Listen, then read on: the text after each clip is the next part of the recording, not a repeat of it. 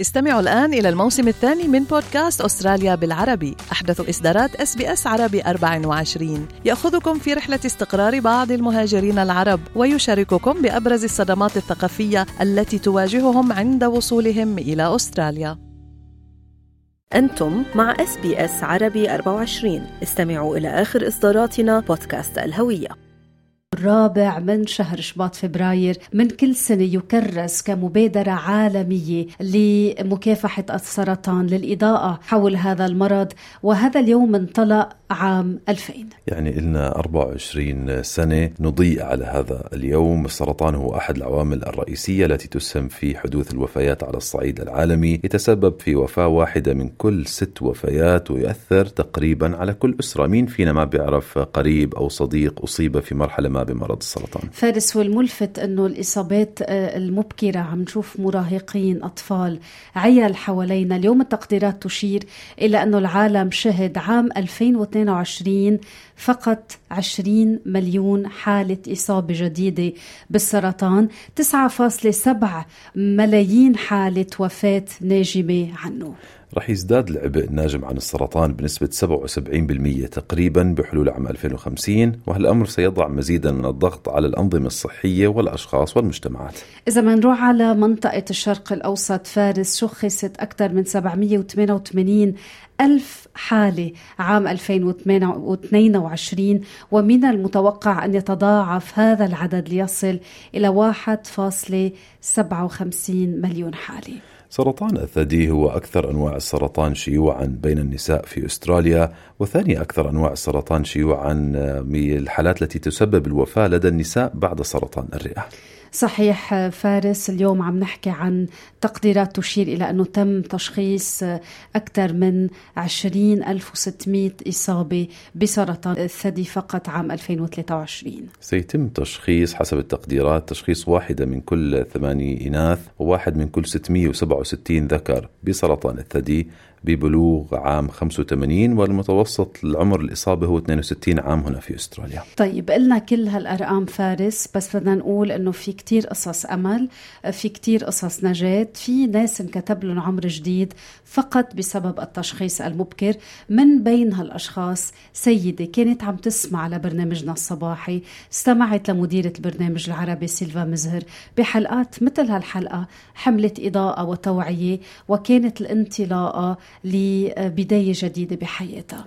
حسيت إنه في إشي مش مزبوط بالثدي وتذكرت كلام سلفا. هاي القصة يمكن وهالكلمات تختصر قصة السيدة غادة أبو جابر مفضي خضعت للفحص. تبين صحيح أنها مصابة بسرطان الثدي ولكن كان في مراحله الأولى وبدأت في العلاج وتعافت. وهاليوم ضيفتنا لتحدثنا عن قصتها وتمنح أمل أيضا للكثيرات عم بسمعونا. سيدة غادة جابر صباحك خير ومبروك انكتب لك عمر جديد. صباح الخير فارس صباح الخير. بترا. يسعد صباحكم صباح جميع المستمعين. أهلا وسهلا فيكي بداية شكرا إنك وافقتي تطلعي معنا على الهواء وتحكي هذه القصة الملهمة جدا. أنا متأكد اللي عم بخوضوا هالمعركة اليوم مع سرطان الثدي وأنواع سرطان أخرى. هذا النوع من القصص بمنحهم أمل كتير كبير إنه بكرة أحلى وفي ضوء في نهاية هذا النفق رح نرجع معك على تفاصيل يمكن مش حلوة ولكن لازم نتذكر كيف كانت البداية. آه، بتذكر خبرتيني شعرتي إنه في شيء هيك مش مزبوط بالثدي شو كان أول شعور يعني ينتاب المرأة شعور الخوف والرعب يمكن بهديك اللحظة. أكيد أكيد. لما شعرت إنه في لم صغير بالثدي عندي تذكرت كلام آه، سلفا على طول. لما كنت أسمعها على الإذاعة تقول ما تقولوا ما عناش ما عنا بالعائلة فلازم تروحوا تضلوا تفحصوا. فأنا عندي ثمان خوات وماما وخالاتي ولا حدا منهم صار معي صار معهم زي اللي صار معي. فدغري أنا أخذت موعد ورحت عملت ميموجرام هلأ لما طلعت ال result قالوا لي لازم تروحي على ليفربول على specialist. بيعملوا لك mammogram و ultrasound فرحت هنيك وعملوا لي اللازم ال ultrasound وال mammogram وقالوا لي لازم نعمل لك biopsy كمان. عملوا لي الفحوصات بعد الفحوصات كلها شافتني دكتورة حتى طلعت لبنانية. بتقول لي غادة أنا ال result بتطلع next week بس آه، إن شاء الله خير.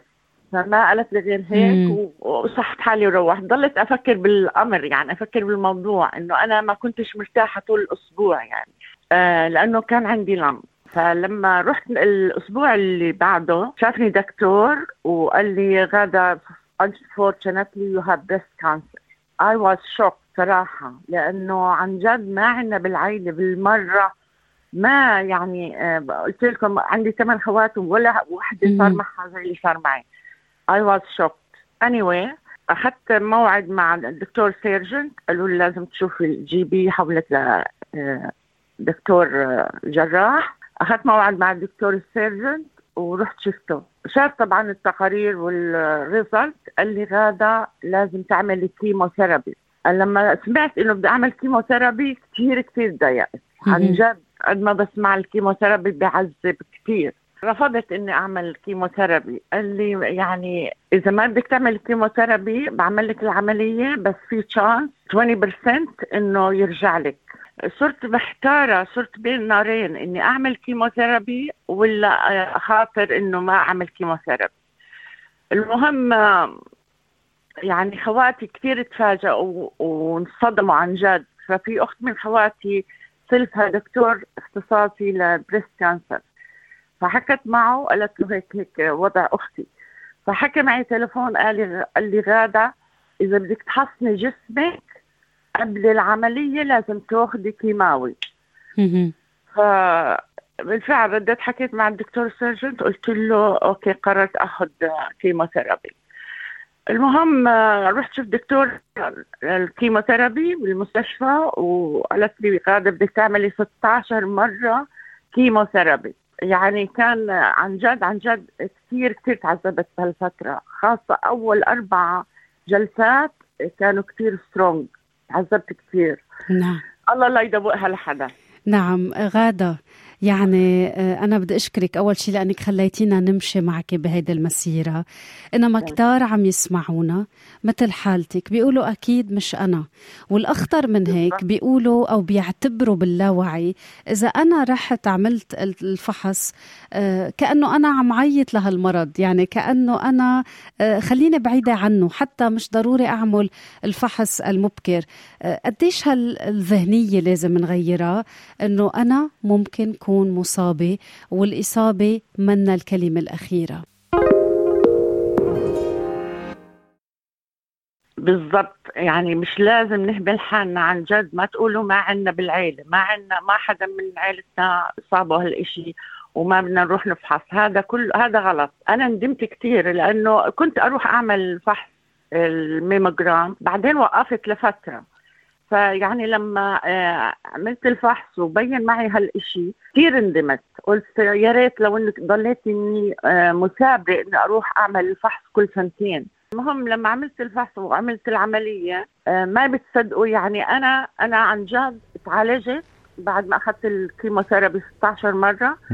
عملت العملية خلوني أرتاح شهرين بعدين عملت العملية والنتيجة كانت ممتازة نشكر الله. الحمد لله على السلامة. الله يسلمك. ست غادة يعني أنا وبناتك الله يخليك إياهم وأسرتك الصغيرة هون بأستراليا.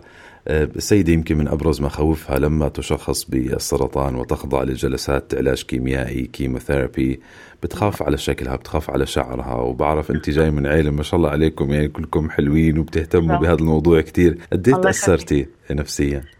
تأثرت كثير كثير تأثرت قلت أنا رح ينزل شعري يعني هذا إشي طبعا يعني مش لازم أفكر فيه لازم أفكر بصحتي قبل شعري. بس آه، يعني تضايقت كثير بالفعل نزل شعري. يعني بدي أخبركم قصة مش طبيعية أبدا. هلأ أنا آه، بعد ما خلصت الكيموثيرابي أعطوني شهرين استراحة. آه هذا الحكي صار بال 2020 شهر 12 they diagnosed me with breast cancer.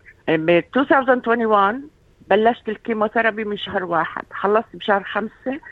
عملوا لي عملية بشهر سبعة. اللي صار إنه قبل عمليتي بأسبوع بنتي بتقول لي ماما I feel there is something uh, not right. عم بحس بوجع بالجهة الشمال بصدري قلت لها ماما روحي اعملي ميموجرام راحت عملت الميموجرام قبل عمليتي بيوم طلعت ال result. طلع عندها breast cancer as well لما شخصوها قالوا لها it's stage 1 very small lump but you need operation and you need chemotherapy. ما حكت لي. لأنه ثاني يوم عمليتي حكت لأخواتها عندي ثلاث آه، بنات أنا. حكت لأخواتها التنتين قالت لهم هيك هيك أنا وضعي. بس don't tell mum فرحت أنا قبل بيوم هي حكت معي وقالت لي ماما انت strong والعملية إن شاء الله إنه الله بشفيكي ويعني شجعتني وهي من جوا يعني محروقة على اللي صار معها فما حكت لي بالمرة عملت العملية قعدت أسبوع أسبوع بالمستشفى وطلعت. بعد ما طلعت بيومين كانت عمليتها يعملوا لها يعني بس تنظيف. وأنا كمان عملوا لي تنظيف. سوري تنظيف. المهم آه بعد ما عمل يعني بعد ما طلع من المستشفى بيومين كانت عمليتها نزلوا خواتها عندها عشان عندها ثلاث بنات صغار. ضلوا ببيتها وهي نامت بالمستشفى يومين وما حدا خبرني ما بدها تقول لي. إلا لما شافتني بعد شهر تعافيت وصرت منيحة و... ونفسيتي صارت كويسة فبتقول لي ماما بدي أحكي لك هالشيء قلت لها إيش؟ تقول لي ماما صار معي زي ما صار معك. يا. عن جد أنا يعني يوميتها ضايقت عليها أكثر من ما ضايقت على حالي. كثير كثير انصدمت. بس الحمد يعني لله نشكر الله. نشكر الله نشكر الله يعني آه ست غادة إنه تشخيصك كان المدخل لتشخيص المبكر بالمرحلة الأولى حتى هي كمان ينكتب لها عمر جديد. خليكي معنا غادة لأنه رح تنضم لنا مديرة البرنامج العربي. سيلفا صباحك خير وبدنا نشكرك من قلبنا أنك انضميتي لنا بهالصباح. صباح الخير بيترا صباح الخير فارس صباح الخير لغادة كمان. بنسمع قد إيه انت تاركي أثر حلو وطيب عند الناس بس هاي القصة تحديدا بتأثر فيه كثير يعني حتى غادة بتحكي لي سيلفا كنز بالنسبة لنا كانت على الراديو وأثرتي بمسار حياتها الشخصي وبمسار حياة عائلتها أيضا. أنا كثير اثرتني قصتك يا غادة. لأن إحنا بنقدم هالبرنامج من من استديو صغير هيك تحت الأرض أحيانا بنسميه تحت ننزل على الدنجن. بس إنه الصوت يودي والصوت يوصل ويأثر بحدا ويخليها تتشخص على بكير أو يدفعها لتقوم باللي لازم نعمل فيه. آه هيدا شيء بيسعدنا إنه صوتنا عم بيودي. بتمنى لها الصحة لغادة نعم الاكتشاف المبكر. كل الأطباء عم بيأكدوا لنا بفيد وبيساعد وبينكتب لنا عمر جديد وقلت يا بيترا أنا عم بحكي يمكن بحكي عنه لأن أنا إيه شخصيا كمان ملدوعة مش مرة مرتين بمرض السرطان. فقصة غادة كثير كثير مش شوي أثرتني. وإن شاء الله كل المستمعين لأنه كلنا هيك بنفكر في شيء إنه هيدا بيجي لناس غيرنا مش لإلنا. ننسى إنه أستراليا بطليعة دول العالم بتشخيص مرض السرطان 165 ألف شخص السنة الماضية وحدة سنة 2023 انصابوا أو تم تشخيصهم بهذا المرض. 452 شخص أسترالي كل يوم بيتم تشخيصهم بهذا المرض. فما نقول إنه ما بيصير لنا بيصير لغيرنا. ما بي شو بيقولوا ال cancer doesn't discriminate. آه إذا بيقولوا لنا الاكتشاف المبكر إذا بيطلبوا منا الأطباء بعد الفحوصات الدورية نقوم فيها لازم نقوم فيها. وغادة قصتها أكبر مثال على ذلك. يا الله شو قصتك أثرت فيني لجوا يا غادة لجوا قلبك. أنا بشكر سيلفا. أنا أنا على طول مستمعة دائمة لسيلفا. يعني عندي إياها قدوة سيلفا. دائما يعني آه كلماتها ظلت بمخيلتي ما تقولوا معنا بالعيلة. فلما يعني عملت الميموجرام وتذكرت كلام سيلفا إنه عن جد ما تقولوا عن معنا بالعيلة. لازم الستات يروحوا يفحصوا على طول. بنتي بتقول لي ماما you saved my life. What's happened with you? You make me go and make the ultrasound. حتى اكتشفت إنه عندي زي ما عندك. يعني بنفس الشهر أنا وبنتي نعمل عملية لنفس السبب يعني I was shocked عن جد. بس الحمد لله هلا نفسيتنا منيحة رجع شعرنا. يعني الحمد لله نشكر الله نشكر الله على هالبلد اللي بتساعد. ما خلتنا بحاجة لأي شيء. سهلت لنا كل الأمور وما بتصدقوا قديش كان في ستات عندهم breast cancer I was shocked عن جد. إن شاء الله كل الشفاء لغادة. ونعم نقدر نشفى ونكمل حياتنا. أنا بحييها وبودي لها غمرة كثير كبيرة من الهواء. وإن شاء الله هالاسير يكون دائما كلمته حلوة كلمته بتوعي كلمته بتكتب عمر جديد كلمته بتحمل سلام كلمته بتقرب الناس لبعضها وحتى بتقرب الناس من الشفاء. أنا كثير اليوم تأثرت بهالقصة. ومن خلال غادة بنودي اليوم كمان من جديد بيوم السرطان العالمي. هالدعوة لكل السيدات يلي عم يسمعونا. ما نقول ما بتصير لنا أو نحن ما بنتشخص أو ما بيصيبنا. إذا في فحوصات دورية خلينا نقوم فيها على الوقت. Thank أنا you. بدي أشكركم اليوم ولو كثير كثير أثرتوني. وكل الشفاء لك يا غادة ولبنتك ويا رب الشفاء العاجل لكل مرضى السرطان. إحنا معلش بكيناكم ولكن القصة تحمل في طياتها الكثير من الأمل أيضا. اضغطوا على اللايك أو على ال share أو اكتبوا تعليقا. تابعوا SBS عربي 24 على الفيسبوك.